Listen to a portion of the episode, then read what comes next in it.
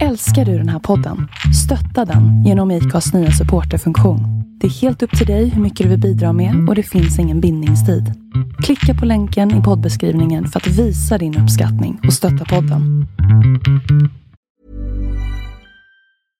This is Paige, the co-host of Giggly Squad, and I want to tell you about a company that I've been loving, Olive and June. Olive and June gives you everything that you need for a salon quality manicure in one box. And if you break it down, it really comes out to $2 a manicure, which is absolutely insane. It's also so easy to get salon worthy nails at home with Olive and June. The difference between how your nails used to look when you did them yourself and now with the Manny system is a complete game changer. The best thing about Olive and June too is it's a quick dry, dries in about one minute, lasts for five days, and full coverage in up to one to two coats. Visit oliveandjune.com slash perfect Manny 20 for 20% off your first system. That's oliveandjune.com slash perfect Manny 20 for 20% off your first system. Ever catch yourself eating the same flavorless dinner three days in a row? Dreaming of something better? Well, HelloFresh is your guilt-free dream come true, baby. It's me, Kiki Palmer. Let's wake up those taste buds with hot, juicy pecan-crusted chicken or garlic butter shrimp scampi. Mm. Hello Fresh. Stop dreaming of all the delicious possibilities and dig in at HelloFresh.com. Let's get this dinner party started.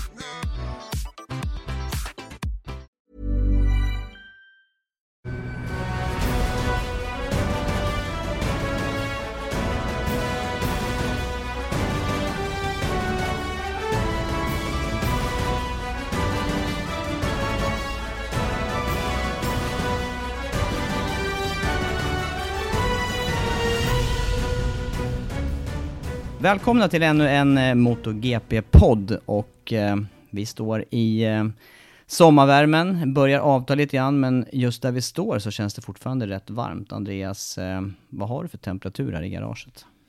26,5 här i garaget. Så att, eh, luften står still och det är varmt. Hur känns det annars då? Känns bra, tycker jag. Jag eh, blev taggad under gårdagen, det är måndag idag när vi spelar in detta, och gårdagen så bjöd det på Suzuka 8 timmars, Formel 1 från Hockenheim och sen var det Indycar från Mid-Ohio. Så att det var en hel dag faktiskt som, eh, som spenderades med att titta på de här eh, motorevenemangen. Ja, vilket race det var. Suzuka särskilt var ju det som i alla fall jag var inne på. Sen kollade jag faktiskt lite cross-VM och det var det är spännande i sig, men eh, Suzuka var jag helt såld på den avslutningen där. Ja, det var bra, men även F1 från eh, Hockenheim var ju spännande. Det var många däcksbyten och eh, mycket fram och tillbaka. Och sen så var det ju Felix Rosenqvist som då tog en allra plats där i Mid-Ohio också. Det var, det var så nära segern var det, det var inte långt borta alltså. Vad häftigt, men... och det där, det där såg vi ju live. Vi såg ju de här Indycar förarna racea live när vi var över i USA här ja, i våras. Jag tycker de gick fortare. Det ser ut att gå fortare när man ser dem live än när man ser dem på tv. Ja. Och jag fatt, något som jag inte fattade innan var hur fysiskt det är med, de har ju ingen styrservo på de där. Det är ju helt, o, helt otroligt jobbigt. Om... Det sa ju, det var ett reportage igår som Wirdheim hade gjort, eller han var, ja, han hade frågat ut Felix helt enkelt lite grann där. Som de spelade in, jag tror de spelade in det här eh, Indycar-helgen, eller Indy 500-helgen. Eh, och då var det just det att han hade inte behövt träna någonting överhuvudtaget då, förutom nu när han kom till Indycar. Eh, just att de inte har någon powersteering. Nej. Nej, för mig helt fascinerande. Jag tänkte bara tillbaka på vårt go-kart-race förra året när jag var helt slut att sitta i en go-kart i tio varv. Eller inte i tio minuter kanske det var, men, men det är ungefär tio varv för mig. Det är ingen powersteering på dem heller. Nej, och jobbigt. Ja. ja, vilken racedag som sagt var under gårdagen där. Och eh, lite programpunkter för dagen då. Suzuka just, det är värt att följa upp, för det snackade vi ju en hel del om eh, i förra podden när vi även hade Sandy Berlin där. Eh, nyhetssvep, eh, lite saker om eh, fortsättningen på hösten. Eh, och sen eh, såklart ny racehelg Brno när vi går in i andra halvan utav säsongen. Och det var det jag skulle säga med att jag blev ju sjukt taggad här nu inför racehelg när man tittade på så mycket race igår. Men det var ju det var ju inte den där eh, sporten som ligger mig varmast om hjärtat. Nej, men vi kan väl inleda med Suzuka, tycker du inte det? Jo. För där, eh, jag har ju en hel del erfarenhet av endurance, jag har varit på plats där en gång, eh, i och för sig då bara som medhjälpare, tyvärr inte kört det här racet, men det är ju det race som alla fabriker sätter störst vikt vid och lägger allt krut på, det ska bara vinna, så det är Yamaha som har fyra raka segrar där. Jag tippar ju för övrigt Yamaha som segrar en, en femte raka gång. Om jag nu säger rätt siffror här. Jo men det stämmer. Du tippade Yamaha, det gjorde även Sandy och jag tippade ju Kava till slut då. Och eh, man kan väl säga att eh, vi hade nästan rätt båda två. Ja, det Det blev, väl inte ja, så? jo, båda fick ju kliva upp på pallen i alla fall, om, om man säger så då. Men, men det, var ju, det var ju upplagt för både då avgöra VM-titeln totalt, den här, de har ju brutet tävlingsår, så att Endurance-VM går ju från hösten med Boldor, som inleder en ny säsong, och fram till nu Suzuka då. Och det team som har dominerat i det här mästerskapet, det är ju Sert Suzuka, och de var ju även dominanta under den period jag körde där, runt 2000 till 2004 5 Och det är fortfarande det teamet att slå när det gäller VM-titeln. Det är ju så, även fast Honda vann ju förra säsongen, FCC Honda France är det väl, som vann eh, förra årets säsong. Eh, I år så var ju Sert Suzuki, de blev ju tvåa förra året och de var ju så, de var ju Ja, de, de var ju i hetluften kan man ju säga de sista fem minuterna, men vad nära de var. Det är helt sjukt är det ju att det kan, att det kan, att det kan spela så stor roll de här eh, sista fem minuterna när man kör åtta timmar. Det var motorras till slut då som satte Ja, de- P för, för, för VM-titeln. Ja, precis. Så vi, så vi tar lite vad som hände där egentligen. Ja, det måste vi göra, för det var ju Det, en... det var ju tre toppteam som slogs om det. Det var ju Kawasaki med Rea och Haslam och Raskatligo. Raskatlioglu, något sånt. Raskatlioglu, ja. Svårt att uttala. Ja, det är vårt näst svåraste namn, efter Quartararo. Ja, men det börjar sitta nu. Ja, jag tycker det. Ja, jag tycker det. Eh, och sen var det ju Yamaha. Yamaha Factory Racing, precis som du säger, de har vunnit fyra år i rad. Alex Lowe's, Michael van der Mark och eh, Nakasuga. Eh, och sen var det faktiskt Red Bull Honda också som var inblandade i den här fighten. Vilket förvånade mig lite faktiskt. Jag trodde inte de skulle vara så heta som de var. Men nummer 33 Honda, Red Bull Honda med Stefan Bradel, Takahashi och Kionari. De tre förarna. Och de tre teamen, de var ju på samma varv.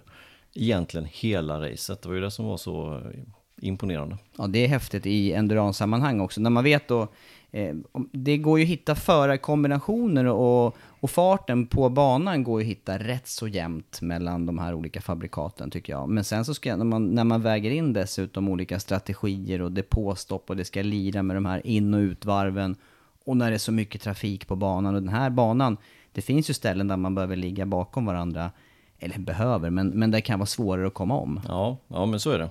Ja, det, det kändes som att de här åtta timmarna, det kändes nästan som att det var åtta stycken sprintrace efter varandra. Det är näst, lite så kändes det faktiskt. Eh, men till slut så var det ju de här teamen det, det stod om, och, eller stod mellan, och eh, Honda såg ut så att ha fördel, för de kunde skjuta på sina depåstopp lite. Så att det sista depåstoppet de behövde göra var bara en splash and, splash and dash egentligen. Eh, och så ut igen, men de fortsatte då med, eh, med Takahashi som förare som precis hade kört en stint och jag tror det var ett misstag. Ja, det där kan jag lägga till någonting om, för jag har också testat, vi testade också att köra dubbelstint ibland, men inte på Suzuka som sagt, jag har inte ens kört det. Men det är ju, det är ju både värmen, det är luftfuktigheten, eh, och de körde ju, flera av de här teamen körde ju på två förare hela racen, så det blir ju varannan timme. Det är ju extremt fysiskt jobbigt som det är, och lägger man på då en timme till körtid på samma förare, där det, det straffar sig ju för Honda i slutet. Ja men det gjorde det. Eh, de, de, de blev ju fattkörda helt enkelt av Rea som hade tagit över Kava nummer 10 där. Eh, körde ikapp kapp Honda, förbi Honda, ifrån Hondan. Eh, Hondan som även blev uppkäkad av Yamaha sista stinten. Yamaha som inte riktigt såg de såg bra ut, de, de låg ju med på samma och ledarvarvet, samma varv och ledarvarvet. Eh, men gjorde lite, lite många misstag tycker jag i depån bland annat. Det var ett, ett, ett stopp när det var två, två eller tre timmar kvar. Som inte var alls bra, tappade många sekunder på det. Eh, rent generellt så tycker jag inte det såg så solitt ut som det brukar göra för Yamaha eller har gjort fyra år i rad.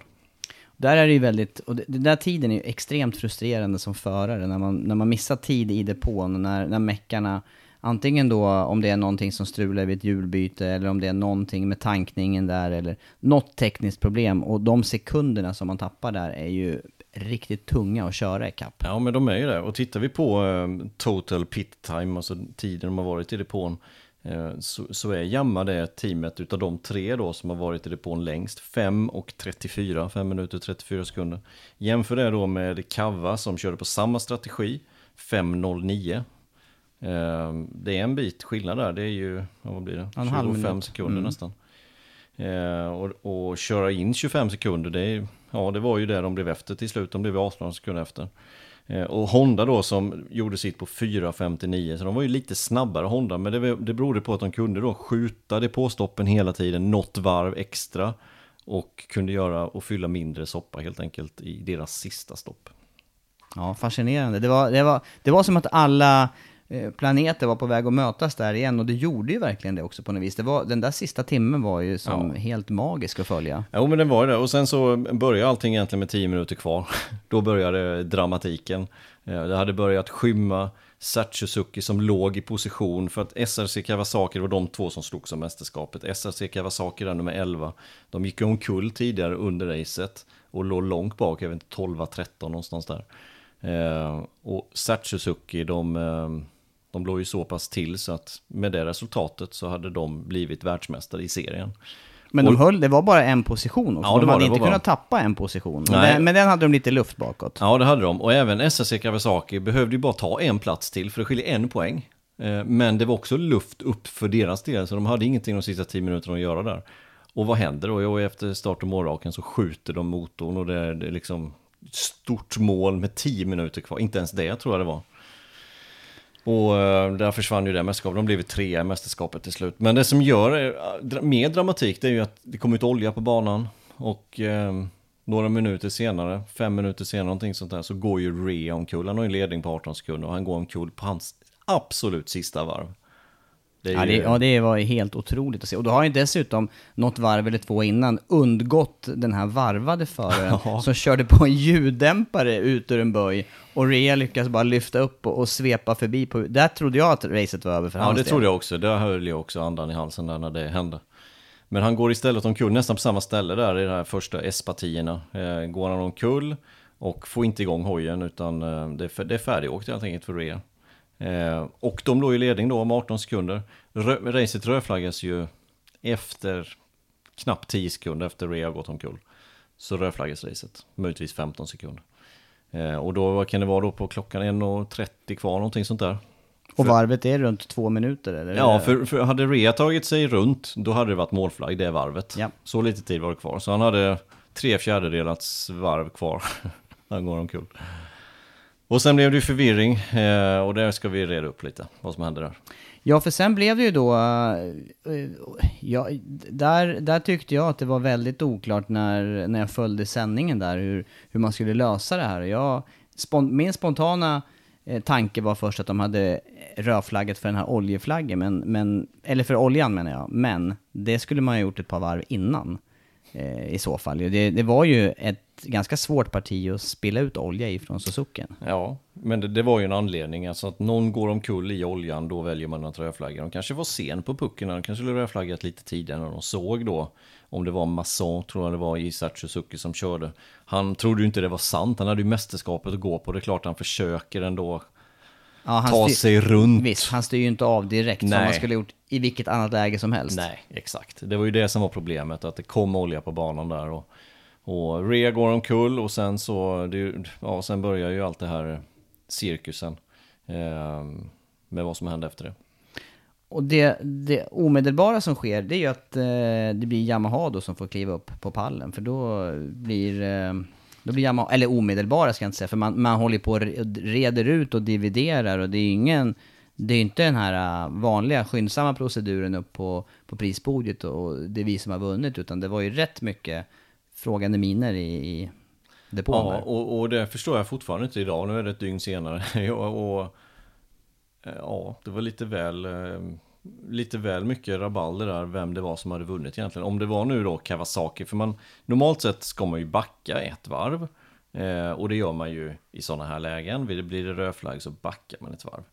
Eh, och då ska ju Kawasaki vinna. Problemet är i, i både GP-serien och i World Superbike nu för tiden, eller den serien, så måste man då ta med sig cykeln in inom fem minuter. Men den regeln gäller inte i Endurance-VM. Och det var det som var grejen. Eh, kommentatorerna hade ganska dålig koll på detta när vi tittade på, på deras sändning. Så jag gick in direkt på telefonen, kollade reglementet, vad står egentligen? Det stod ingenting om det. Och sen när jag läste det här flera gånger så tänkte jag, men varför står Yamaha högst upp på pallen? Jag tyckte det var helt, helt snett och jag förstod inte riktigt varför de inte följde reglerna. För reglerna säger klart och tydligt att, eh, att man ska backa ett varv och det är det resultatet som gäller. Det står ingenting om den här fem minuters regeln. Och i förlängningen då, då så man firar alltså Yamaha som segrare där och, och förarna är ju inte så där, eh, de, de är inte så himlastormande glada som de är i vanliga fall när man har kört sig till en seger, utan det var ju mer så här, ja ja, vi vann, men det var ju inte vi som var snabbast den här gången.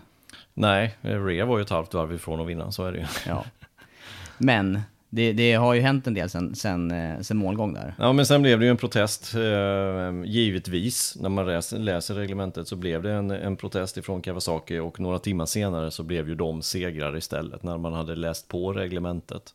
Eh, och jag tänkte vi skulle, ska vi titta på reglementet lite vad som står där egentligen. Och då står det under paragraf 1.23.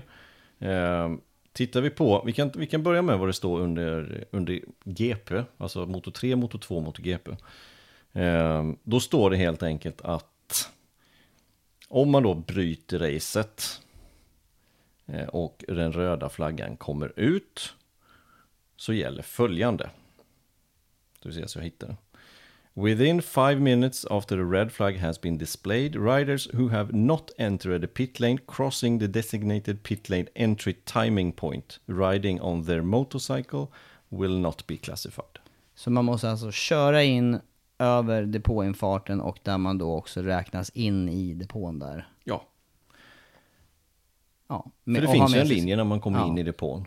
Eh, den här meningen som jag precis sa, den finns inte i Endurance World Championship uh, Rules, eller reglements. Finns inte där.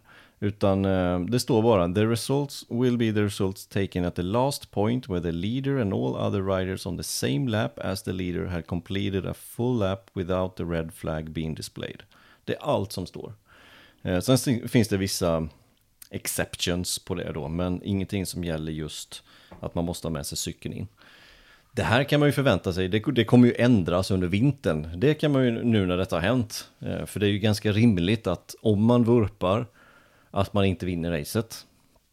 Men som sagt, eh, det står inte i reglementet och då måste man ju följa reglementet. Och det är det jag inte förstår. Det, det, jag tycker att det är ganska glasklart här. Det borde tävlingsledningen kunna se direkt att ja, men, det är Kawasaki som har vunnit. Så att eh, jag tycker det var lite, ja, lite pannkaka tycker jag från tävlingsledningen om jag ska vara helt ärlig. Om inte de har någon annan bra förklaring till varför det dröjde så pass länge som det gjorde. Nej. Men är det just anledningen att de trodde att det var Superbikes-reglerna eller MotoGP-reglerna som gällde? Då tycker jag att det tog alldeles för lång tid. Och dessutom ett race med sån dignitet som just Suzuka 8 timmars, där borde ja. man ju på något vis ha, där, där, där borde det vara glasklart som du säger. Det här borde vara glasklart, faktiskt. Men, eh, men återigen, alltså det, det visar som, ju... Som sagt, jag hittade detta hemma i tv-soffan innan, alltså det, det, ja, de hade knappt gått i mål. Jag väntade ju på, eller liksom få se en klocka i bild nästan, att fem minuter när, när går det ut? På grund av att jag ville se om Rea kom in i depån eller inte. För hade han gjort det, då hade det inte varit några diskussioner överhuvudtaget. Då hade ju första regeln gällt. Nej. Eller den som man har i GP World Superbike. Ja, märkligt, märkligt avslut och många, många turer där. Och, men jag, jag vill återigen bara också, det här, det, här, det, det gäller ju i, det är ju all racing. Det, det, finns inget, det finns inget som är avgjort innan, innan man har rullat klart sina varv. Nej men det är helt otroligt egentligen att, att mästerskapet och racet egentligen avgjordes de sista sju minuterna. Mm. Från Satsuzuki blåste motorn och så Rea som kullkörning. Och att det just är Rea som kör en kull, det är ju helt, också helt osannolikt. Den, kanske den absolut bästa superbikeföraren som finns i världen som går omkull på det här. Och ståsäker är han ju också. Ja. Han vurpar ju extremt sällan. Visst gör han det. Ja, det var, det var fascinerande utveckling. Ja, ja, ja. Puls, pulshöjare av rang. Ja, ni som vill in och läsa reglerna igen så, så gör det. Punkt... Um så vi ser här så jag säger rätt återigen. I, nu, fick, nu har jag inte upp den längre, men punkt 1.23 ska det vara i uh, Sporting Regulations. Mm. Står det. På fimlive.com. Kava, Yamaha, Honda alltså. Den ordningen blev det i uh, racet. Så blev det. Tyvärr fick ju Kristoffer Bergman och hans team bryta. Eh, ganska tidigt i racet om inte jag minns fel efter några timmar. Med eh, motorhaveri tror jag det var. Gick för varmt. Mm, det går ju varmt där, men det är ändå standardmotor. Jag är ändå lite fascinerad över att det blir motorras som sagt. Och det är inte vanligt där inte. Nej. 110 varv hann de avverka av, ja hälften kom de ju då helt enkelt. För 216 varv eh, blev ju de som vann körde 216 varv. Det skiljer alltså 18 sekunder till Yamaha och 1.06 till eh, Honda. Ja. Så var det. Nöjd med Suzuka? Ja. Nu stänger vi den butiken. Ja. Har vi rätt ut det? Gå in på nyhetssvep tycker jag. Absolut. Och det är inte, det är inte så att det kryllar av eh, sommarnyheter, även om det bara är några dagar kvar till eh, MotoGP-serien drar igång sin höstdel på säsongen. Då. Men lite klarare är vi i alla fall steg ett över Lorenzos skadeläge och eh, tydligen så kräver det längre rehabilitering än vad man eh, trodde från början. Och han missar eh, Bruno nu i helgen, han missar Red Bull Ring nästkommande helg, beräknas vara tillbaka till Silverstone. Det är så det sägs. Eh, tråkigt, jättetråkigt att den här relativt lilla kraschen, får man säga så? Alltså Ja, onödig krasch, första Ja. friträning på assen, vänstersväng där många går omkull under en helg. Eh, men han slår sig kraftigt där. Mm. Tråkigt för Lorenzos del och tråkigt också tycker jag med, med tanke på eh, han har inte fått eh, möjlighet riktigt tycker jag att utmana den här Hondan på det sättet som den behöver köras för att lyckas. Och det var ju, ja, e-, igen det här eh, hjulet som, som snurrar lite fel eller en, en händelse som sätter igång en ytterligare en kedja händelse tycker jag ju var det här eh, bromsmissen och kraschen på, i Barcelona. Som om Ja. det racet hade utvecklats annorlunda. Hade han haft en helt annan fortsättning Approach. tror jag också. Ja, jag tror också det.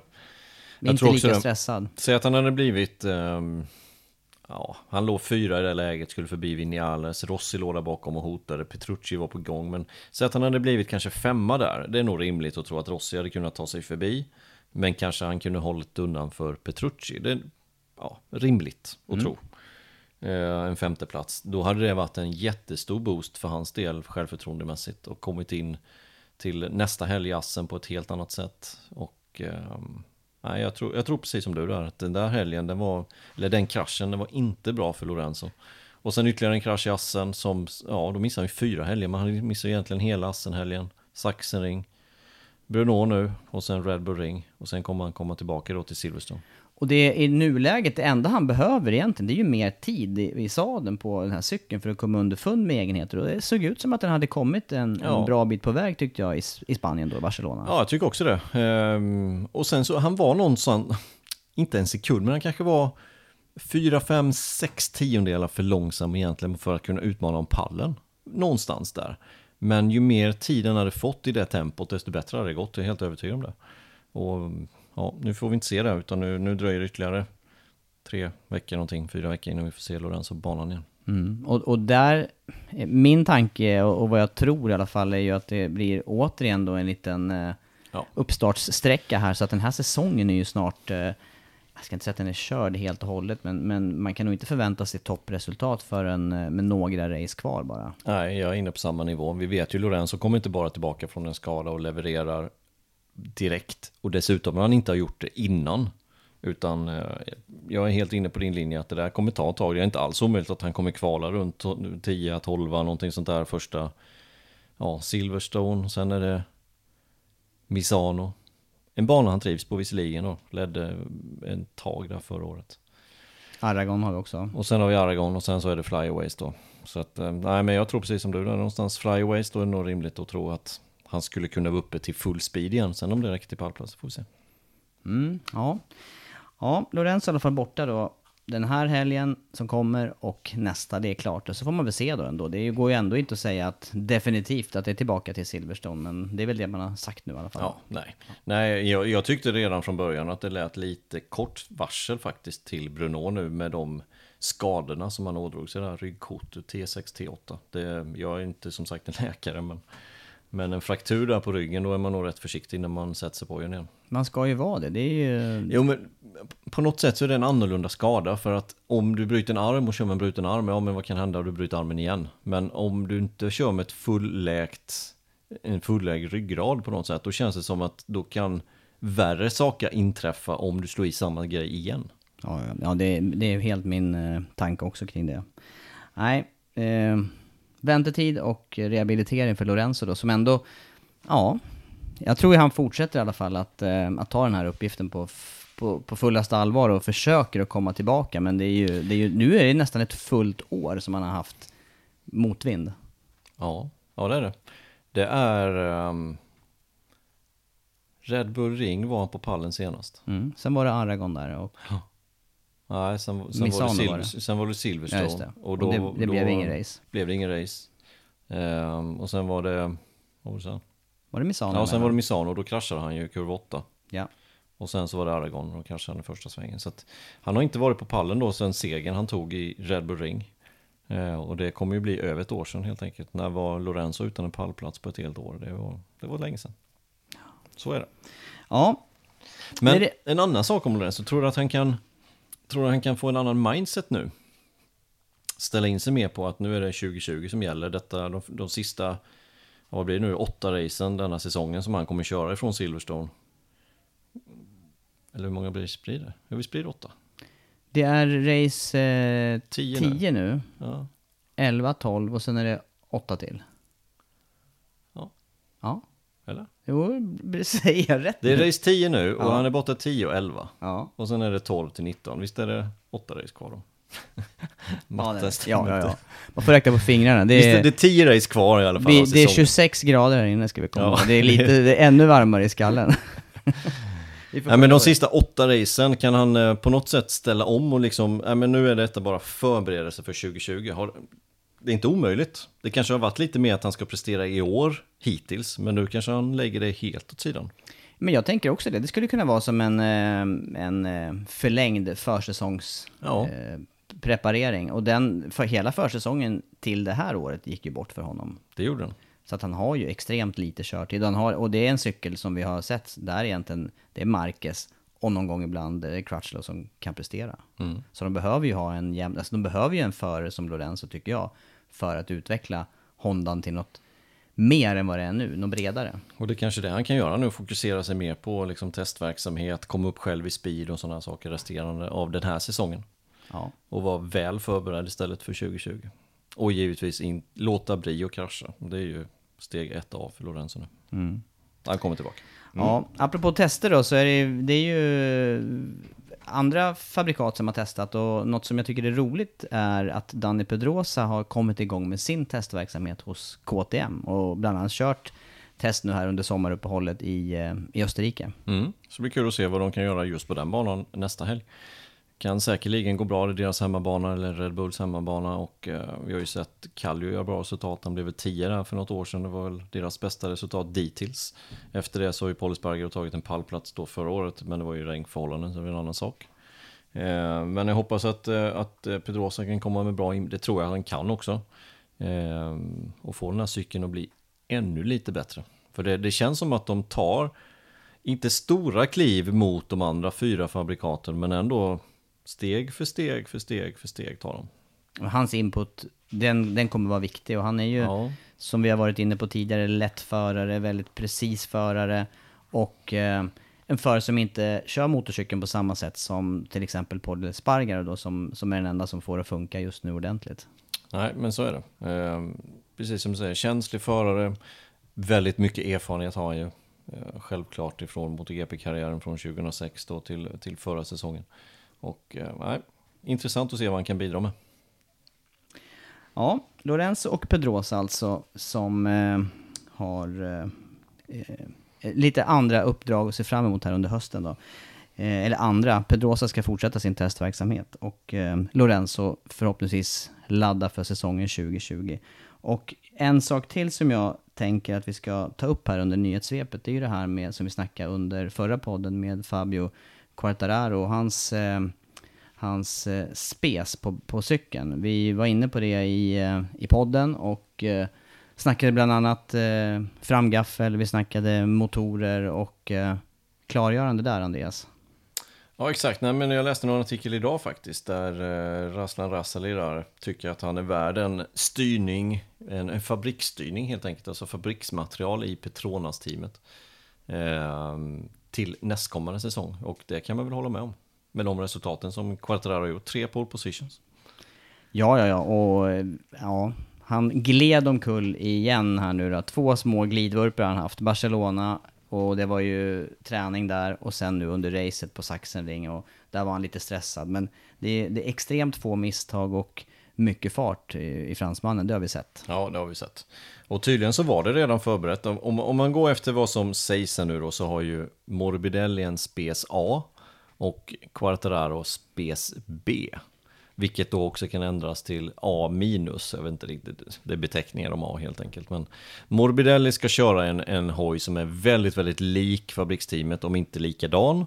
Och Quartararo kör en hoj som är något lite sämre spes på pappret.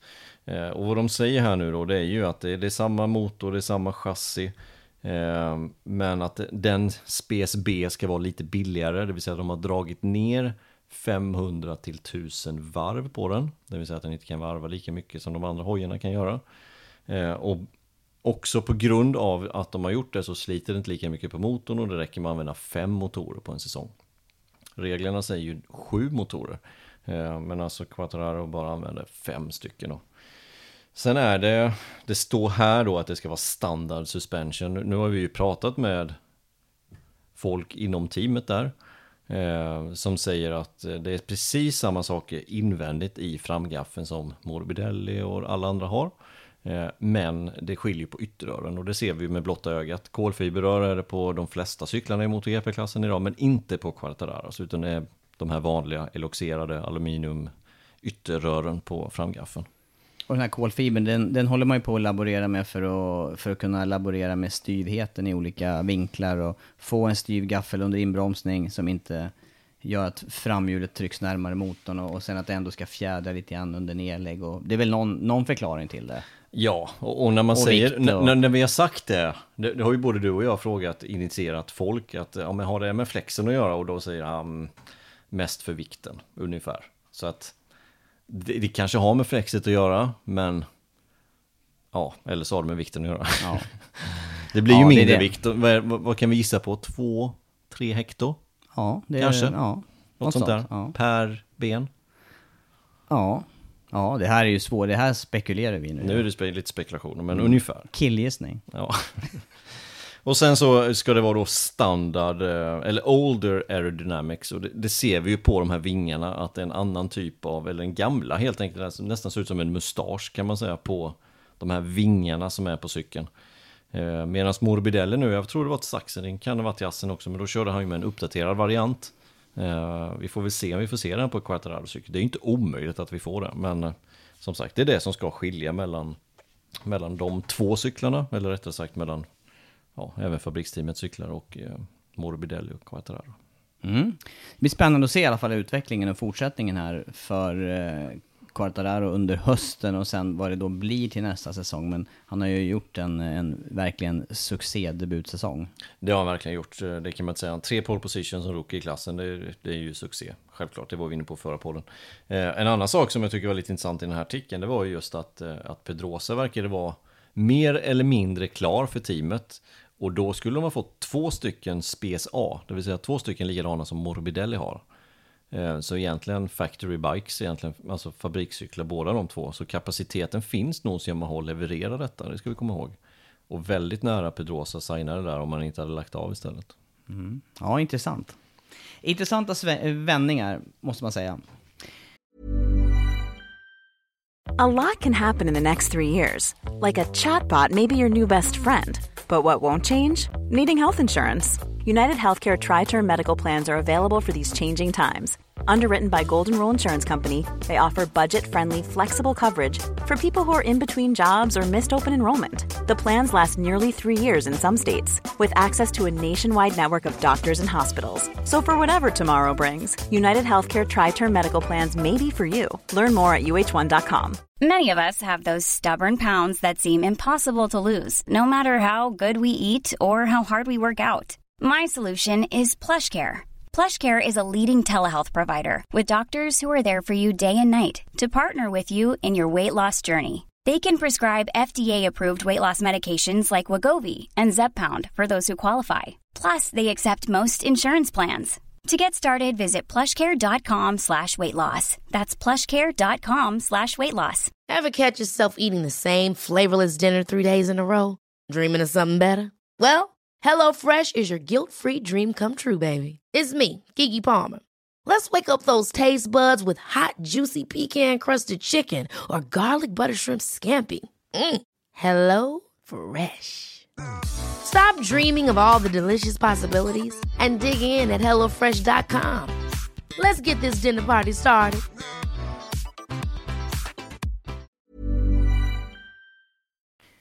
Ja, det om eh, nyhetssvep. Eh, ska vi blicka framåt då, för höstdelen? Det tycker jag. Då, En lite ny grej som vi kom på här som vi ska köra. Eller? Jag tycker det. Det, det här det ska bli spännande. Några saker som vi vill eh, se under hösten. Vi har valt ut tre saker var. Om saker som vi vill se här eh, resterande del av säsongen. Och eh, du vet inte vad jag har valt och jag vet inte vad du har valt. Nej? Vem vill börja? Ja. Jag är nyfiken på vad du har att säga såklart. Ja, jag börjar med Jag min första. mig. Ja. Då vill jag se punkt ett. Jag vill se tre förare som levererar lite bättre.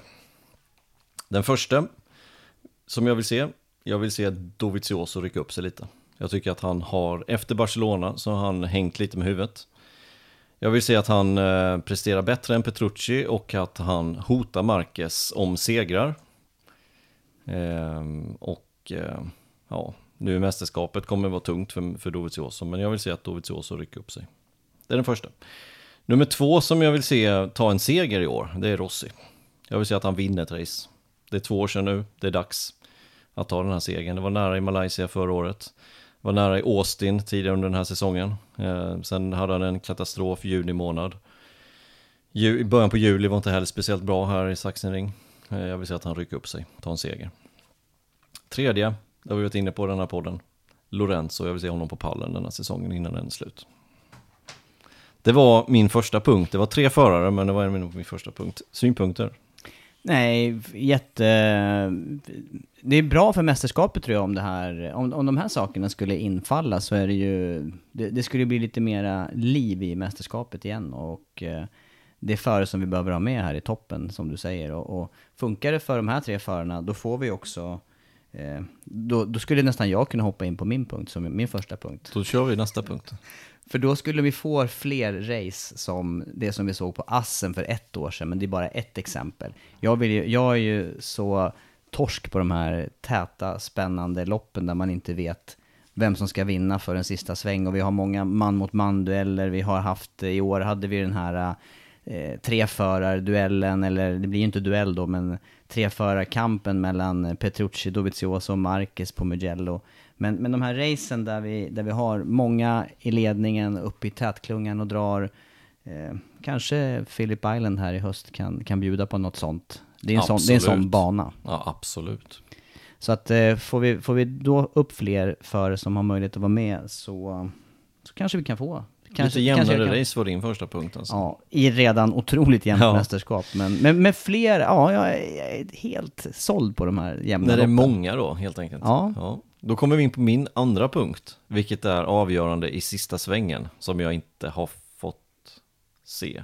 Nej, Har vi jag det? tror inte det i år. Hur var det i första racet? Jag har nästan glömt. Qatar, ja var det så där? Var, var det att Eller- Eller... Dovi kom tillbaka på insidan efter en attack från Marquez? Eller var, jo, men visst var det så i år också? Det där, det där är Så var det ju förra året, det är jag helt säker på. Men Var jag- det sån copy-paste eh, Jag tror det. race? Jag tror det. Jag tror att det var helt copy Det var ju eh, nästan över mållinjen åtminstone. Det enda Så man ser ju- skillnad där det är ju den röda färgen på ducken, vilket år det är. Ja, för det är ungefär lika många tusendelar, eller få tusendelar. Ja, men jag tror det var så. Nej, men jag vill se ett race avgöras i sista svängen. Ehm, det fick vi se förra året, bland annat på Red Bull Ring, som vi ska till nästa här. Thailand, Ja, Thailand. Då vann ju Marcus den gången, stämmer. och då var det ju en klunga in i sista sväng där. Ja, ja. det vill jag se. Din punkt nummer två då, Tobbe? Eh, det är att få... Ja, på det sättet går de ju faktiskt ihop här. Men jag har skrivit Honda, Yamaha, Ducati, Suzuki, eh, KTM, Aprilia. Alla fyra, eller alla sex eh, fabrikat. Där, som det ser ut nu så är det ju Ducati och faktiskt Suzuki som, eh, som har levererat jämnaste resultat. Eh, och det kanske, jag, jag, kanske inte har fullt belägg för det här på fötterna, men, men eh, Honda, där är Marquez som sticker ut. Eh, Yamaha, om man tittar på fabriksteamet, där är det Rossi eller Vinales som har varit vassa under helgerna. Och det, det har aldrig varit båda samtidigt. Eh, det är, det är Quartararo och ja. en annan Yamaha som är med. ja, istället där då. Eh, ja, men KTM, där är också Paul Espargaro som har stuckit ut. Mm. Eh, Aprilian har ju ännu inte riktigt lyckats eh, fullt ut heller med båda förarna. Få, få med mer än en förare i, hos alla sex fabrikaten där, så man, då, då blir det ju också automatiskt då fler som kan vara med och slåss. Och det gäller ju även under kvalen. Trots att det, trots att det är jämnt så går det ju att gå ändå att förfina lite grann. lite jämnare. ja, förfina lite grann. Ja. Så det är min tanke då, att om man kanske hittar någonting här under eh, återstående tester. Och annars får det väl bli till eh, när en ny säsong drar igång. Så det blir kul att se vad, om, eh, om Mir kan bygga vidare på sin fart och närma sig Rins ytterligare. För han gjorde ju bra race nu senast i Sachsenring. Han, gjorde, han ledde ju faktiskt några svängar i Assen. Eh, så det känns som att han är på väg faktiskt uppåt och etablerar sig verkligen i eh, Ja, topp 5 var väl kanske lite väl mycket kanske, men, eh, men topp 8, topp 9 någonstans. Ja, det är det.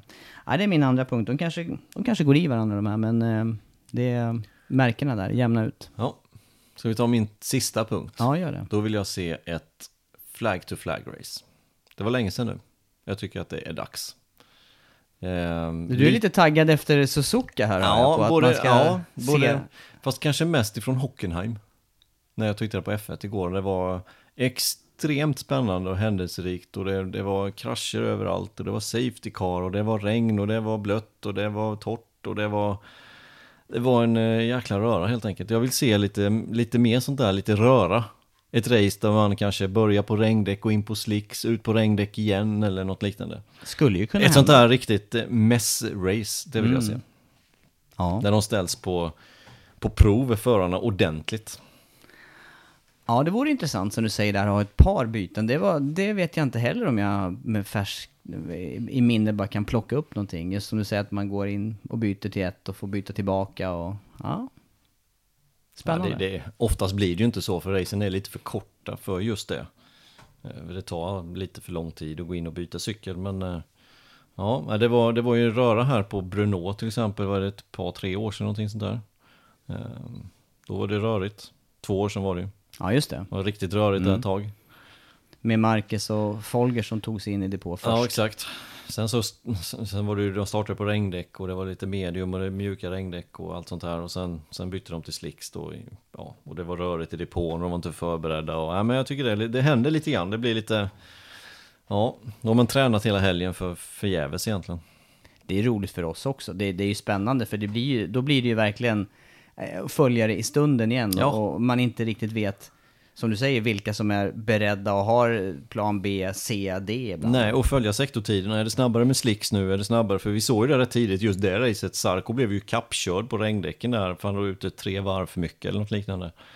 Eh, och följa de här sektortiderna när de kör det här smala spåret med slicks. Och vi hade ju något race när Jack Miller vann på Assen. Det var ju också sådär hur rörigt som helst. Jag får mig det blev rödflagg till och med.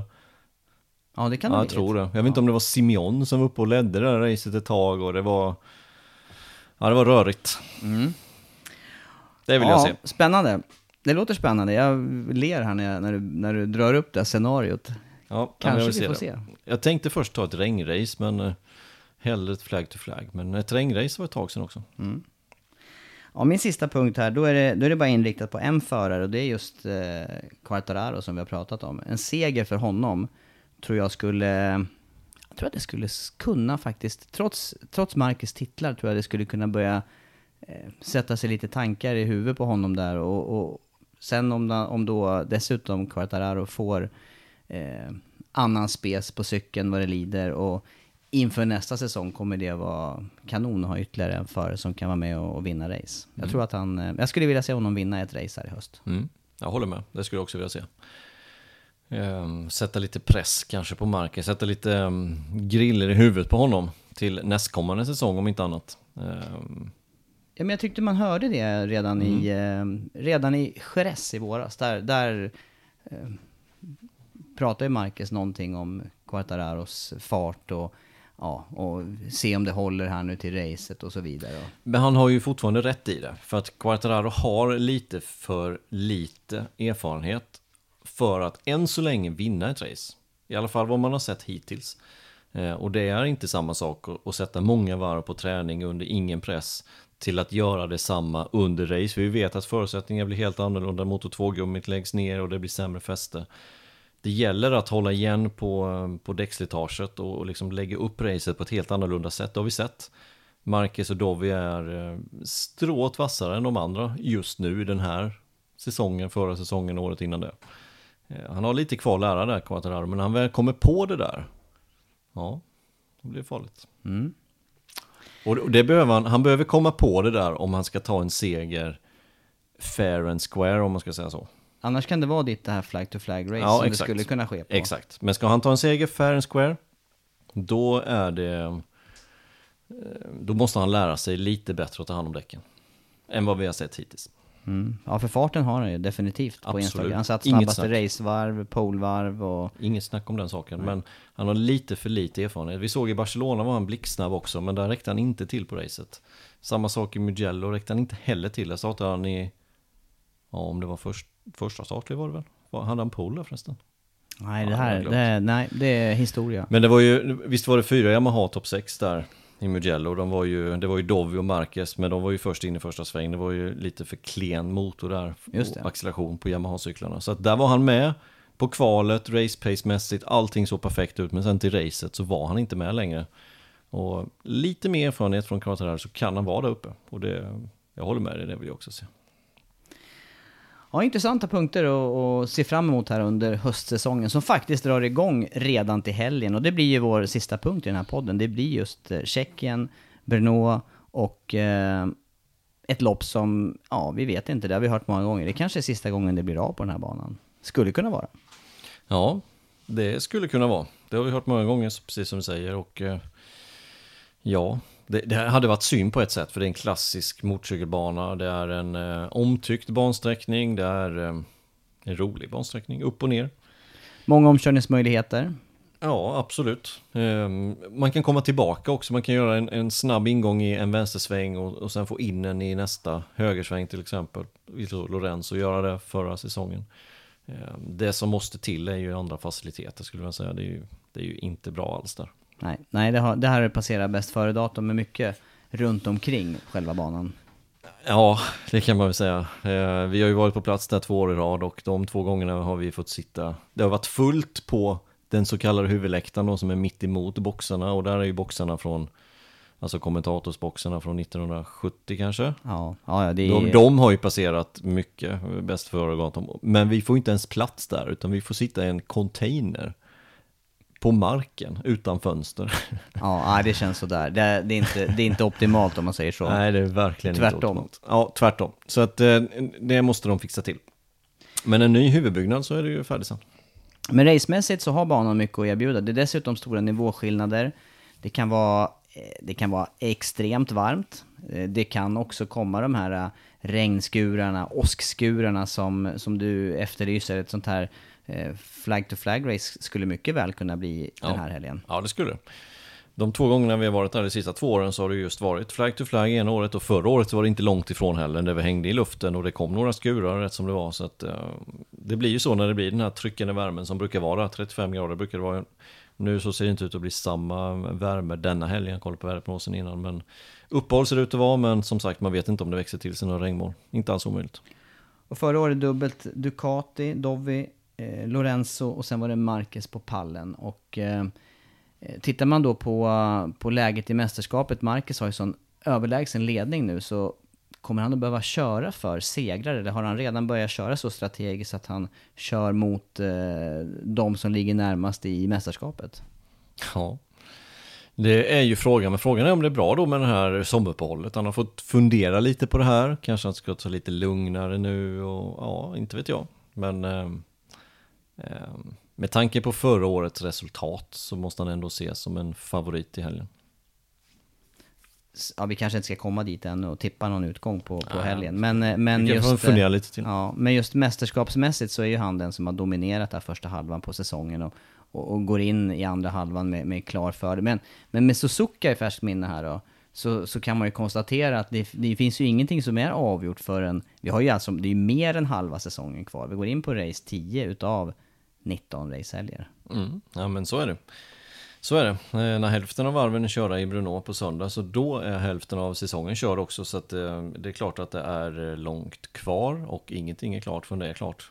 Och eh, 58 poäng det, det kan hämtas in ganska snabbt om det skulle ske någon skada, en krasch och en skada. Så ja, då kan det vara lika efter Red Bull Ring till exempel. Så att, eh, nästan. Vi har ju också färskt i minne Superbike-VM som vi pratade om lite grann i förra, eller ganska mycket om i förra podden. Det är ju Ja. scenförändring ordentligt där. 61 poäng var det, jag tittade sen. 61 poäng var det till Bautistans fördel. Och nu ligger han ju efter då med mer än så. Helt sjukt.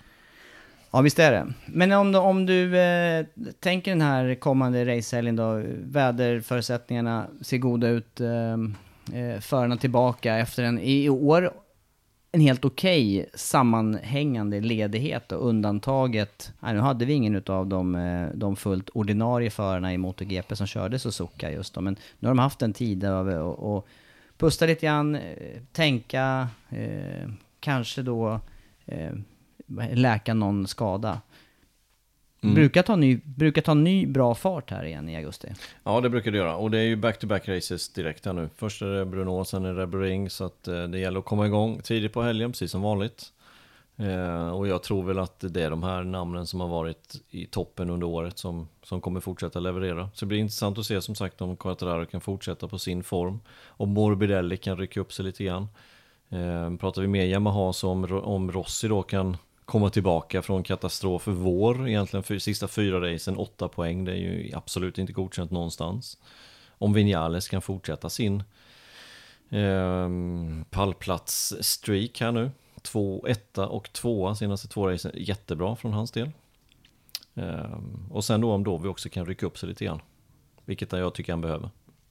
Det behöver ju vara flera förare som, eh, som tar poäng och gärna flera som tar sig in framför Marcus då om det ska jämnas ut mästerskapet. Och om det inte ska hända någonting, som du är inne på där, kraschmässigt, skademässigt, vilket man aldrig hoppas på, men som vi vet alltid är närvarande, den risken. Och Bruno är en ganska snabb bana dessutom, så att den är ganska oförlåtande. Går man omkull då är det oftast i ganska hög hastighet.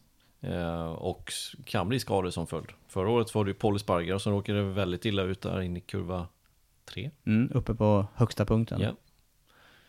Ganska odramatisk krasch egentligen, men går ganska fort upp för backen där. Mm, att, man lurar eh, sig lite grann på de här S-partierna. Ja. ibland på tv ser det ut som chikaner, men det där är riktiga kurvpartier. Och som du säger, där, förarna har inte, det är inte låg hastighet någonstans. Nej. Jag har varit uppe där och stått vid sidan på eh, test dagen efter. Eh, och det är extremt häftigt att se Marcus just där upp, upp på högsta punkten med, med bakhjulet lätt i luften och i princip då ner med bakhjulet precis in mot Apex och sen bara löda på den här korta, korta lilla rakan till nästa eh, kurva då som hänger i. Ja, ja, men så är det. Och när du nämner just eh, Marquez och så hans teamkamrat nu då, som är Bradel, han har ju faktiskt kört Suzuka. Han körde Sachsenring, sen drog han till Suzuka, körde för Red Bull Honda och så nu tillbaka igen då i den styrningen. Så att eh, han är väl den enda MotoGP-föraren egentligen som har varit på Suzuka och kört. Hektiskt schema. Mm. Men vad tror du om helgen då, rent resultatmässigt?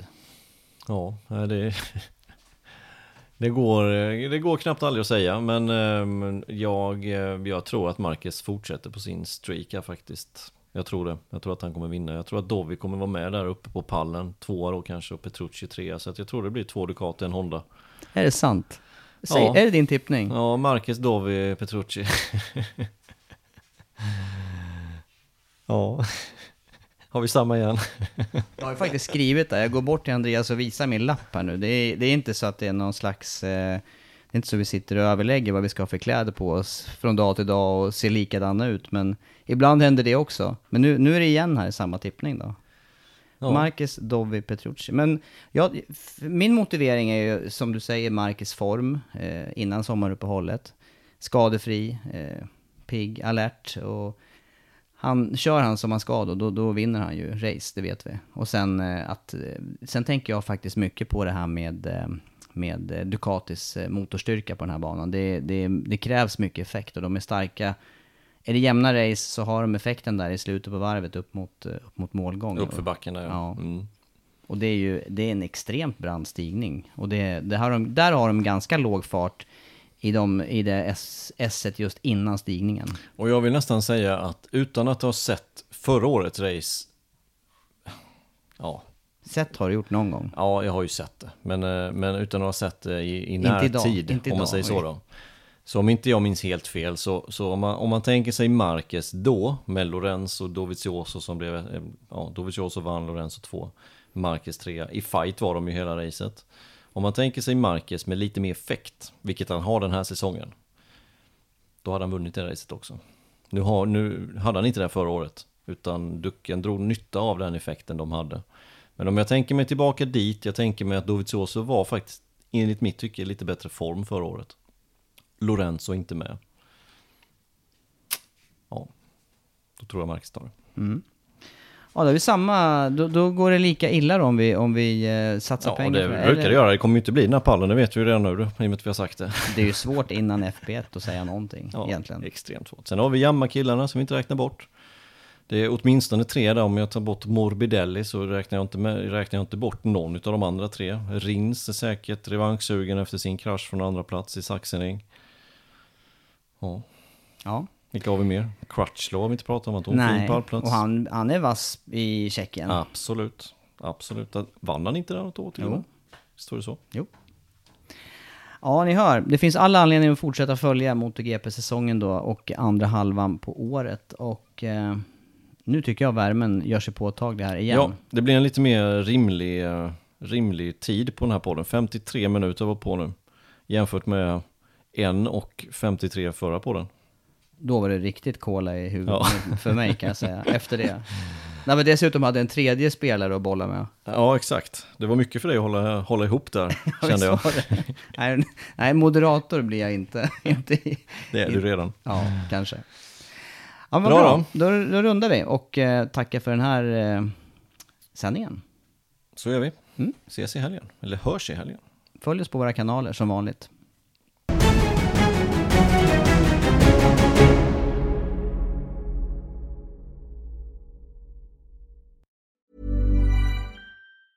Hey, it's Danny Pellegrino from Everything Iconic. Ready to upgrade your style game without blowing your budget? Check out Quince. They've got all the good stuff shirts and polos, activewear, and fine leather goods, all at 50 to 80% less than other high end brands. And the best part? They're all about safe, ethical, and responsible manufacturing. Get that luxury vibe without the luxury price tag. Hit up quince.com slash upgrade for free shipping and 365 day returns on your next order. That's quince.com slash upgrade. Hold up. What was that? Boring. No flavor. That was as bad as those leftovers you ate all week. Kiki Palmer here, and it's time to say hello to something fresh and guilt-free. Hello Fresh. Jazz up dinner with pecan-crusted chicken or garlic butter shrimp scampi. Now that's music to my mouth. Hello Fresh. Let's get this dinner party started. Discover all the delicious possibilities at hellofresh.com.